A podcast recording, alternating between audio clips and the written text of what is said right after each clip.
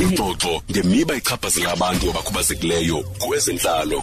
Apha kufocus on disability today sincokola ke nolubabalo khwatsha principal inspector at the department of labour about the code of good practice on disability in the workplace. Uzakhe sibalisele ke kakuhle yena uba ngaba ingaba mhlawumbi ihamba kanjani na yonke le nto apha ngasentla. Kwaye ke futhi sifuna uyazi uba what exactly do we mean xa sisithi code of good practice on disability uh, in the workplace? So nguye ozathi break it down for us. All you have to do is to stick around uhlale nje ungayindawo and make sure into you do not touch the dial.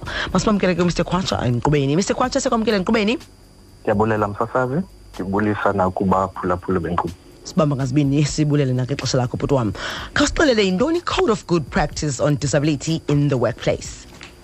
Um msasazi igama layo liphelele yi-code of good practice on employment of persons with disabilities okay ingummiselo womthetho oyi-employment equity act owasekwa ngonyaka ka-1998 okay. Inabisa ke yona kumalungelo noxanduva labasebenzi nabaqeshi ngokunjalo.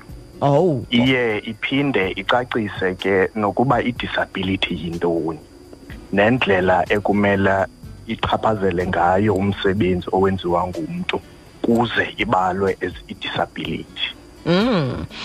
so ungake nje mhlawumbi usithele qabaqabanga amalungelo abantu abanedisability emsebenzini? Ndi- ewe msasazi amalungelo abantu abanedisability emsebenzini ayafana nalawo wabasebenzi onke.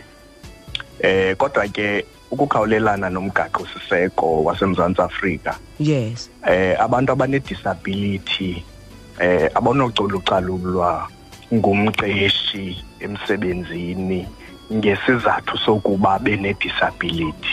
Mm. em ibe ngaphezulu koko abaqeshi abaqeshe abantu abangamashumi amahlanu ukwenyuka banoxanduva ke ngoku lokuphuhlisa abantu abanedisability emsebenzini. Mhm.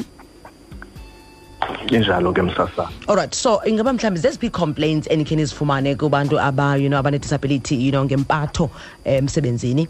Mm. em sasazi eyona complaint siyifumanayo yile yolucalucalu okay. Nokungathathelwa ntweni emsebenzini. Mm.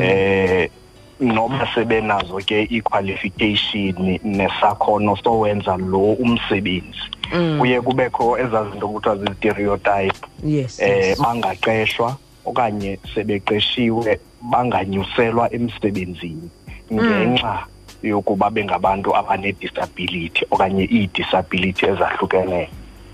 Okay.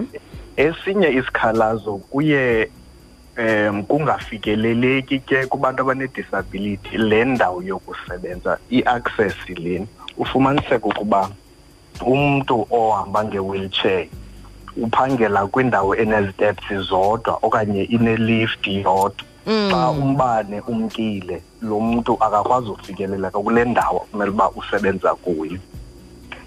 Uphinde ku- kungafikeleleki ke ngoku ne namagumbi la angasese kwalapha emsebenzini. Yeah okay. Eh ndiyakuva zezona ke zihamba phambili ke ezo msasazi izikhalazo zabantu aba-disabled. All right eh ingaba mhlawumbi ke ngoku nina um eh niye nithabe bathi amanyathelo athini uh, uzama ukuncedisana okanye ke niba nibazama ukubanceda aba bantu bakhalazayo? Mm.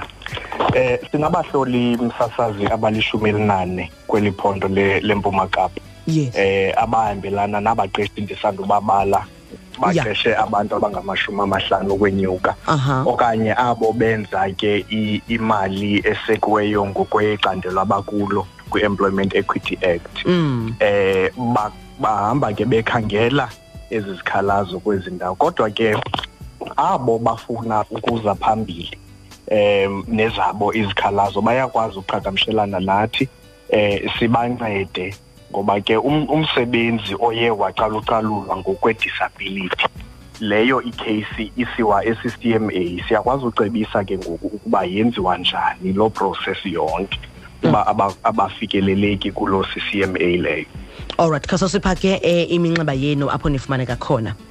Okay ngu-043 mhm. 701 Mm. 3285 ikhona ne-cellphone engu-060 mm -hmm. 992 Yes. 7311 Okay. allright masibambe ngazibeni sibulela kakhulu kuwe Mr. Kwachu bene mina mnandi nempela veki kananjalo. ndiyabulela msasa ezenhlalo 9 to 11 am monday to friday on true fm